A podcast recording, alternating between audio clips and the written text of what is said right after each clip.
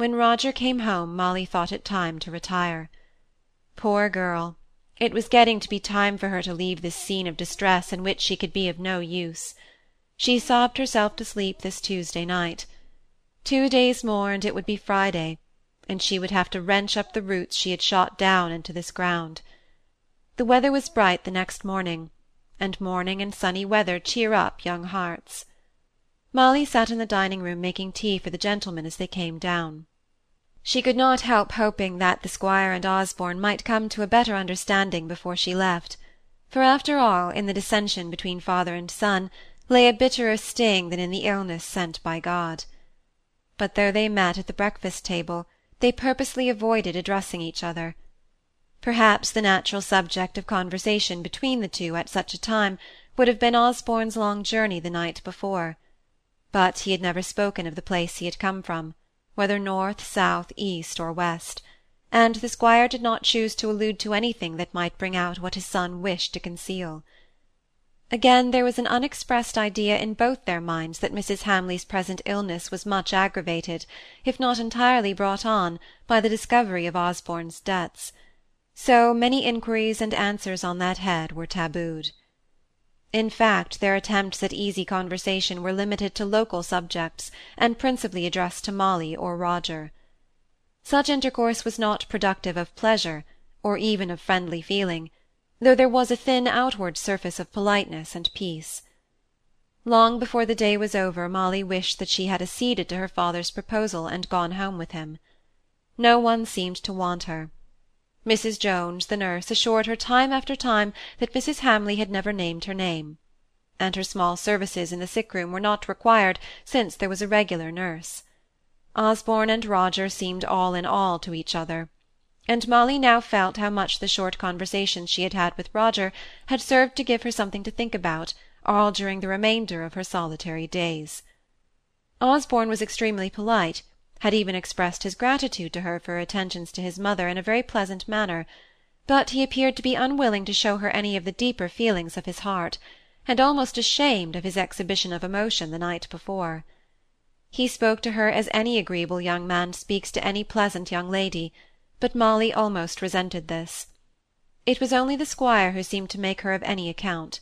He gave her letters to write, small bills to reckon up, and she could have kissed his hands for thankfulness.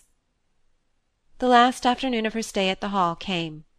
Roger had gone out on the squire's business. Molly went into the garden, thinking over the last summer, when Mrs. Hamley's sofa used to be placed under the old cedar tree on the lawn, and when the warm air seemed to be scented with roses and sweetbrier. Now, the trees leafless, there was no sweet odour in the keen frosty air, and looking up at the house there were the white sheets of blinds, shutting out the pale winter sky from the invalid's room. Then she thought of the day her father had brought her the news of his second marriage. The thicket was tangled with dead weeds and rime and hoar-frost, and the beautiful fine articulations of branches and boughs and delicate twigs were all intertwined in leafless distinctness against the sky. Could she ever be so passionately unhappy again? Was it goodness, or was it numbness that made her feel as though life was too short to be troubled much about anything? Death seemed the only reality. She had neither energy nor heart to walk far or briskly, and turned back towards the house. The afternoon sun was shining brightly on the windows, and stirred up to unusual activity by some unknown cause, the housemaids had opened the shutters and windows of the generally unused library. The middle window was also a door, the white painted wood went half way up. Molly turned along the little flag-paved path that led past the library windows to the gate in the white railings at the front of the house, and went in at the opened door. She had had leave given to choose out any books she wished to read and to take them home with her, and it was just the sort of half-dawdling employment suited to her taste this afternoon. She mounted on the ladder to get to a particular shelf high up in a dark corner of the room, and finding there some volume that looked interesting, she sat down on the step to read part of it.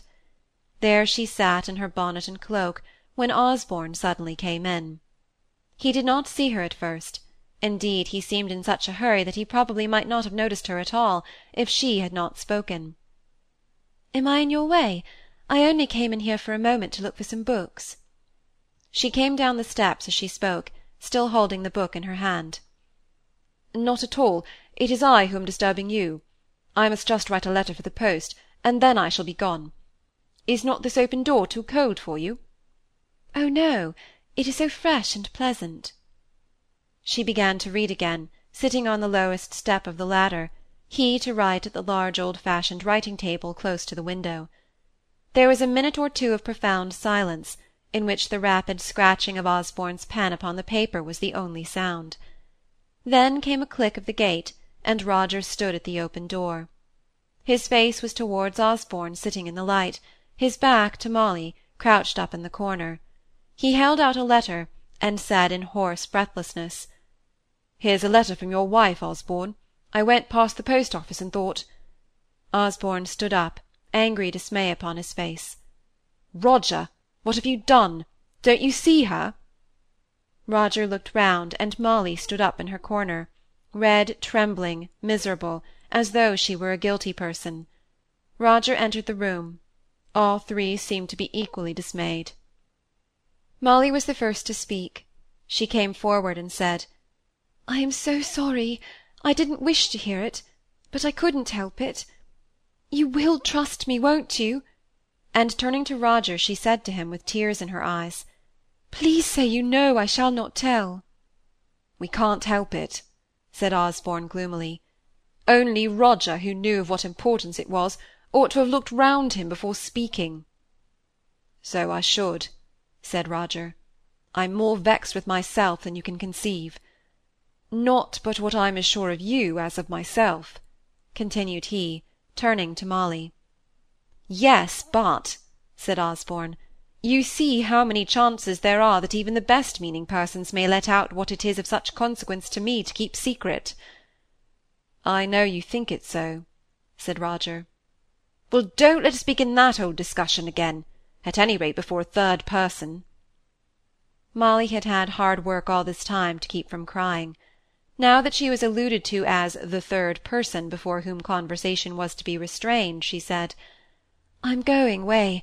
Perhaps I ought not to have been here. I'm very sorry, very. But I'll try and forget what I've heard. You can't do that, said Osborne, still ungraciously. But will you promise me never to speak about it to any one, not even to me or to Roger? Will you try to act and speak as if you had never heard it? I'm sure from what Roger has told me about you that if you give me this promise I may rely upon it. Yes, I will promise, said Molly, putting out her hand as a kind of pledge. Osborne took it, but rather as if the action was superfluous. She added, I think I should have done so even without a promise, but it is perhaps better to bind oneself. I will go away now. I wish I'd never come into this room. She put down her book on the table very softly, and turned to leave the room, choking down her tears until she was in the solitude of her own chamber. But Roger was at the door before her, holding it open for her, and reading, she felt that he was reading, her face. He held out his hand for hers, and his firm grasp expressed both sympathy and regret for what had occurred. She could hardly keep back her sobs till she reached her bedroom. Her feelings had been overwrought for some time past, without finding the natural vent in action. The leaving Hamley Hall had seemed so sad before, and now she was troubled with having to bear away a secret which she ought never to have known, and the knowledge of which had brought out a very uncomfortable responsibility. Then there would arise a very natural wonder as to who Osborne's wife was. Molly had not stayed so long and so intimately in the Hamley family without being aware of the manner in which the future lady of Hamley was planned for. The squire, for instance, partly in order to show Osborne his heir was above the reach of Molly Gibson, the doctor's daughter, in the early days before he knew Molly well, had often alluded to the grand, the high, and the wealthy marriage which Hamley of Hamley, as represented by his clever, brilliant, handsome son Osborne, might be expected to make. Mrs. Hamley, too, unconsciously on her part, showed the projects that she was constantly devising for the reception of the unknown daughter-in-law that was to be. The drawing-room must be refurnished when Osborne marries. Or, Osborne's wife will like to have the west suite of rooms to herself. It will perhaps be a trial to her to live with the old couple, but we must arrange it so that she will feel it as little as possible. Of course, when Mrs. Osborne comes, we must try and give her a new carriage. The old one does well enough for us. These and similar speeches had given Molly the impression of the future Mrs. Osborne as of some beautiful grand young lady, whose very presence would make the old Hall into a stately formal mansion, instead of the pleasant unceremonious home that it was at present. Osborne, too, who had spoken with such languid criticism to Mrs. Gibson about various country belles, and even in his own home was apt to give himself airs, only at home his airs were poetically fastidious, while with Mrs. Gibson they had been socially fastidious. What unspeakably elegant beauty had he chosen for his wife? Who had satisfied him? And yet satisfying him had to have her marriage kept in concealment from his parents. At length Molly tore herself up from her wonderings. It was of no use, she could not find out, she might not even try. The blank wall of her promise blocked up the way. Perhaps it was not even right to wonder, and endeavour to remember slight speeches, casual mentions of a name, so as to piece them together into something coherent. Molly dreaded seeing either of the brothers again, but they all met at dinner-time as if nothing had happened. The squire was taciturn, either from melancholy or displeasure. He had never spoken to Osborne since his return, excepting about the commonest trifles, when intercourse could not be avoided, and his wife's state oppressed him like a heavy cloud coming over the light of day. Osborne put on an indifferent manner to his father, which Molly felt sure was assumed, but it was not conciliatory for all that. Roger, quiet, steady, and natural, talked more than all the others, but he too was uneasy, and in distress on many accounts. To-day he principally addressed himself to Molly, entering into rather long narrations of late discoveries in natural history, which kept up the current of talk without requiring much reply from any one. Molly had expected Osborne to look something different from usual, conscious, or ashamed, or resentful, or even married; but he was exactly the Osborne of the morning, handsome, elegant, languid in manner and in look, cordial with his brother, polite towards her, secretly uneasy at the state of things between his father and himself. She would never have guessed the concealed romance which lay perdu under that every-day behaviour.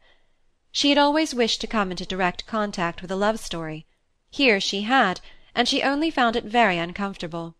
There was a sense of concealment and uncertainty about it all, and her honest straightforward father, her quiet life at Hollingford, which, even with all its drawbacks, was above board, and where everybody knew what everybody was doing, seemed secure and pleasant in comparison. Of course she felt great pain at quitting the Hall, and at the mute farewell she had taken of her sleeping and unconscious friend but leaving Mrs. Hamley now was a different thing to what it had been a fortnight ago. Then she was wanted at any moment, and felt herself to be of comfort. Now her very existence seemed forgotten by the poor lady whose body appeared to be living so long after her soul. She was sent home in the carriage, loaded with true thanks from every one of the family. Osborne ransacked the greenhouses for flowers for her. Roger had chosen her out books of every kind. The squire himself kept shaking her hand, without being able to speak his gratitude, till at last he took her in his arms, and kissed her as he would have done a daughter.